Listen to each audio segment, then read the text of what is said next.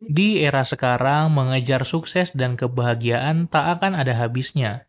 Yang perlu kita lakukan adalah memahami makna kebahagiaan buat diri kita dan berpikir secara spiritual.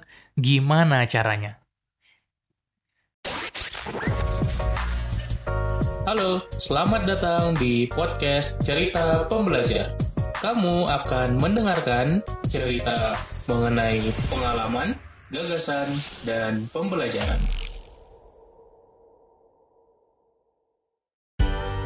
Cerita Pembelajar Season 11 Great Book Ideas Insight buku pengembangan diri yang akan mengubah hidupmu.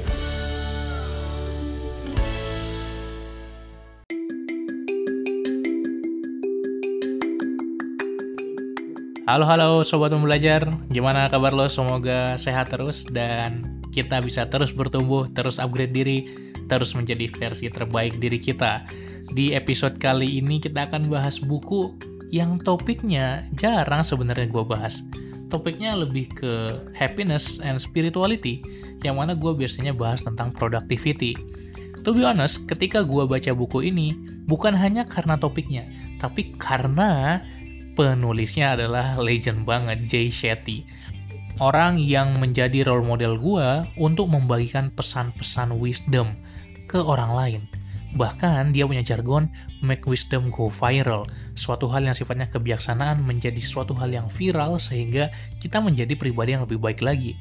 Podcastnya podcast nomor satu dalam health podcast sedunia, gokil banget gak tuh?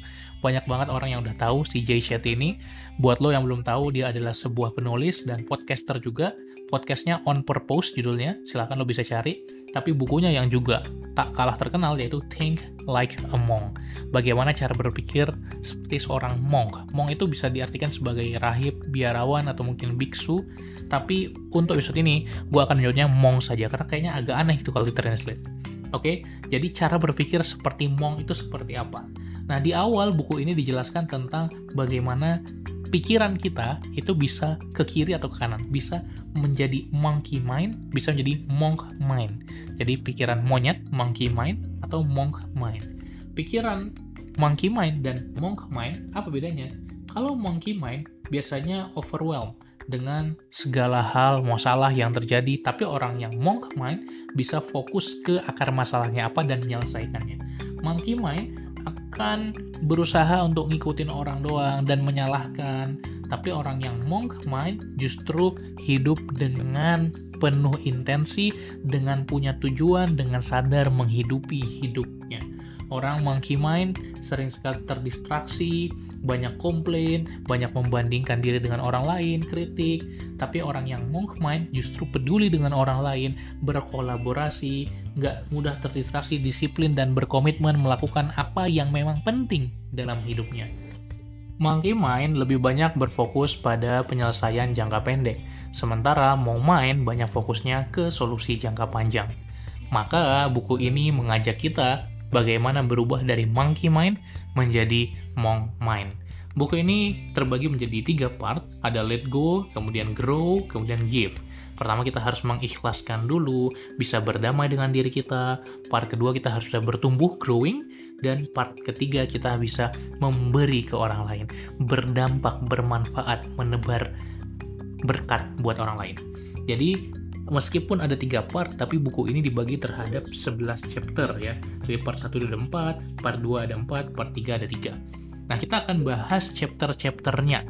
Jadi akan ada 11 ide-ide kunci yang gue bagikan di episode kali ini. Di chapter pertama kita bahas tentang identitas diri. Pertama, ketika kita mau punya monk mind, mau punya cara berpikir seperti monk, spiritual thinking, kita perlu klarifikasikan dulu identitas diri kita itu seperti apa. Kita ini seorang apa sih? Kita ini menjadi orang yang punya identitas diri apa. Kalau gue memiliki identitas diri sebagai seorang pembelajar, gue ingin jadi seorang yang mengajar ke orang lain. Menjadi seorang trainer, coach, mentor, itu adalah manifestasi dari identitas diri gue. Maka gue mendefinisikan diri gue adalah orang yang terus bertumbuh dan menumbuhkan orang lain. Orang yang terus berkembang dan mengembangkan orang lain. Identitas diri lo apa? Yang kedua adalah bagaimana kita menghilangkan negativitas, negatif thinking kita kurangi. Caranya adalah dengan spot, stop, swipe. Atau sering gue buat versi Indonesia yang menjadi 3T. Pertama, kita temukan dulu, atau kita tangkap dulu, kalau kita merasa sedang berpikir negatif, kemudian kita tahan sebentar, stop, lalu kemudian kita tukar menjadi pikiran positif yang lebih memberdayakan diri kita. Jadi, kalau ada pikiran negatif, kita tangkap, kita tahan, lalu kita tukar menjadi pikiran positif. Yang ketiga adalah mengatasi ketakutan-ketakutan dalam diri kita entah itu ketakutan akan masa depan, ketakutan akan diri kita nggak bisa berhasil, yang kita bisa lakukan adalah kita harus memeluk dulu ketakutan kita. Kita harus benar-benar merasakan apa sih sebenarnya yang gue takutin, baru kita bisa melepaskannya. Kalau kita langsung menolak, ah enggak, gue nggak takut, dan akhirnya kita mau mendam ketakutan dalam diri kita nggak akan works gitu loh. Pada akhirnya dia akan datang lagi di masa depan. Jadi kita harus benar-benar untuk bisa let go untuk bisa berdamai dengan ketakutan tadi kita terima dulu kita punya ketakutan itu baru perlahan-lahan kita detach kita lepaskan. Kemudian yang keempat bagaimana kita punya intention. Kita punya motivasi yang jelas untuk mengembangkan diri kita untuk mencapai impian-impian kita. Caranya adalah dengan hanya membuat daftar baru terhadap daftar tugas. Jadi kita biasanya punya to-do list kan, daftar tugas, apa yang perlu dilakukan. Coba miliki juga to-be list. Jadi ada daftar yang harus dilakukan dan juga daftar kita ingin jadi orang yang seperti apa. Dan ini bukan daftar yang dicentang, bukan harus diselesaikan, enggak. Tapi kita pengen jadi pribadi yang kayak gimana. To be list kita bisa dituliskan sebagai orang yang selalu jujur, orang yang menghidupi impiannya, orang yang terus berjuang, orang yang nggak mudah menyerah. Itu adalah daftar-daftar to be list kita harus bikin. Kita ingin jadi orang yang seperti apa saja. Kemudian yang kelima adalah memiliki purpose. Nah, di buku ini dibahas tentang istilah purpose yaitu Dharma. Ini kalau salah bahasa Sanskerta ya. Dan menjadi menarik aja gitu kalau ada di buku bahasa Inggris bukan bahasa Indonesia gitu ya. Konsep-konsep yang gue udah tahu kan istilah Dharma itu kayak gimana. Tapi ketika ketemu Dharma ini, ini jadi istilah yang menarik karena istilahnya your calling ya. Kalau di buku ini dijelaskan your calling. Dharma inilah yang kita sebut sebagai purpose. Dan Dharma ini gabungan dari passion dan serve. Jadi bagaimana kita punya passion digabungkan dengan kita membantu orang, melayani orang, memenuhi kebutuhan orang lain. Jadi coba kita cari apa hal yang kita sukai, passion kita, yang kita jago melakukannya dan akhirnya bisa membantu orang lain. Ya of course buat gue masih sama, passion gue di bidang pendidikan, bagaimana gue mentransformasi pendidikan, terutama pendidikan life skills dan pengembangan diri, dan akhirnya bisa membantu orang-orang menemukan dirinya, menemukan passionnya, menemukan bakatnya, punya goals, punya rancangan karir dan akhirnya benar-benar menghidupi rancangan itu dan sukses. That's my goal, that's my purpose. Nah, purpose lu apa? Kemudian yang keenam adalah memiliki rutinitas dan kebiasaan-kebiasaan positif. Ini udah sering banget gue bahas di podcast cerita pembelajar, tapi yang bisa lo lakukan di sini dikasih habit time ya. T-I-M-E, Thankfulness Insight Meditation Exercise. Lo bisa memulai hari dengan bersyukur, thankfulness, kemudian yang kedua insight, belajar hal baru, baca, podcast, dan lain-lain. Kemudian yang ketiga meditasi, dan yang keempat exercise atau berlatih. Coba cari juga episode-episode yang membahas Miracle Morning lainnya, contohnya buku-buku yang udah gue bahas sebelumnya, 5am Club dan Miracle Morning. Kemudian yang ketujuh adalah bagaimana kita menguasai pikiran kita. Ingat, pikiran kita bisa menjadi teman terbaik kita atau musuh terburuk kita. Kita perlu nge-reframe ulang, memprogram ulang pikiran kita dengan cara melatihnya, dengan memberikan stimulus-stimulus pengetahuan baru, keterampilan baru, mindset baru, observasi hal baru. Salah satu coach gue pernah bilang, kalau lu mau ubah cara berpikir lo, maka ubahlah informasi yang lo konsumsi. Setidaknya ubahlah BTP, bacaan, tontonan, pergaulan. Mau mengubah mindset, ubah bacaanmu, ubah tontonanmu, ubah pergaulanmu. Yang kedelapan adalah bagaimana kita membangun self-esteem atau self-esteem itu apa ya Indonesia ya? Bagaimana kita lebih menghargai diri sendiri, bukan ego. Nah ini beda sekali ya, ego dengan self-esteem ini beda. Jadi bagaimana kita bisa terpenuhi oleh diri kita sendiri, nggak egois, ya kan? Dan akhirnya tanpa perlu validasi orang lain kita sudah bisa bahagia.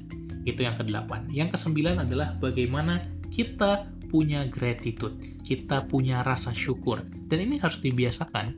Gratitude setiap hari. entah itu dengan menuliskan jurnalnya, atau dengan meditasi, atau dengan visualisasi rasa syukur, banyak sekali teknik-teknik yang dibahas di sini.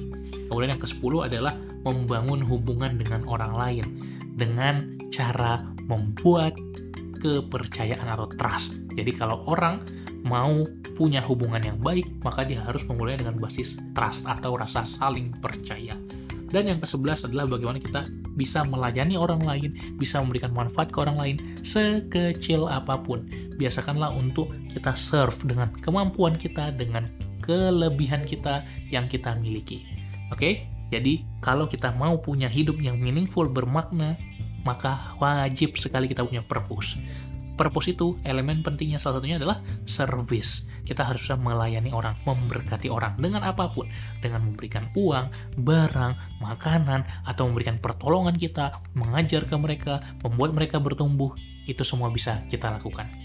So, itu dia 11 hal yang gue share di episode kali ini. Yang pertama, kita punya identitas yang jelas. Yang kedua, ubah pikiran negatif jadi positif. Yang ketiga, peluk dulu ketakutan kita, kemudian lepaskan perlahan. Yang keempat, miliki intensi yang baik. Yang kelima, punya purpose, alasan untuk hidup. Yang keenam, tingkatkan terus rutinitas dan kebiasaan kita. Yang ketujuh, kuasai pikiran kita. Yang kedelapan, bangun rasa kepercayaan diri dan menghargai diri. Yang kesembilan, biasakan bersyukur. Yang kesepuluh, bangun hubungan dengan kepercayaan. Dan yang kesebelas, lebih banyak melayani orang lain. Itu yang bisa kita lakukan untuk upgrade pikiran kita menjadi monk mind dan kita bisa berpikir spiritual. So, semoga episode kali ini bermanfaat, bisa lo terapkan, dan lo dapat banyak pelajaran dari sini. Jangan lupa bagikan di Instagram Story, tag gue at produktif, follow di Spotify, dan bagikan ke teman-teman lo supaya lebih banyak lagi yang mendengarkan podcast ini. Salam pembelajaran. thank you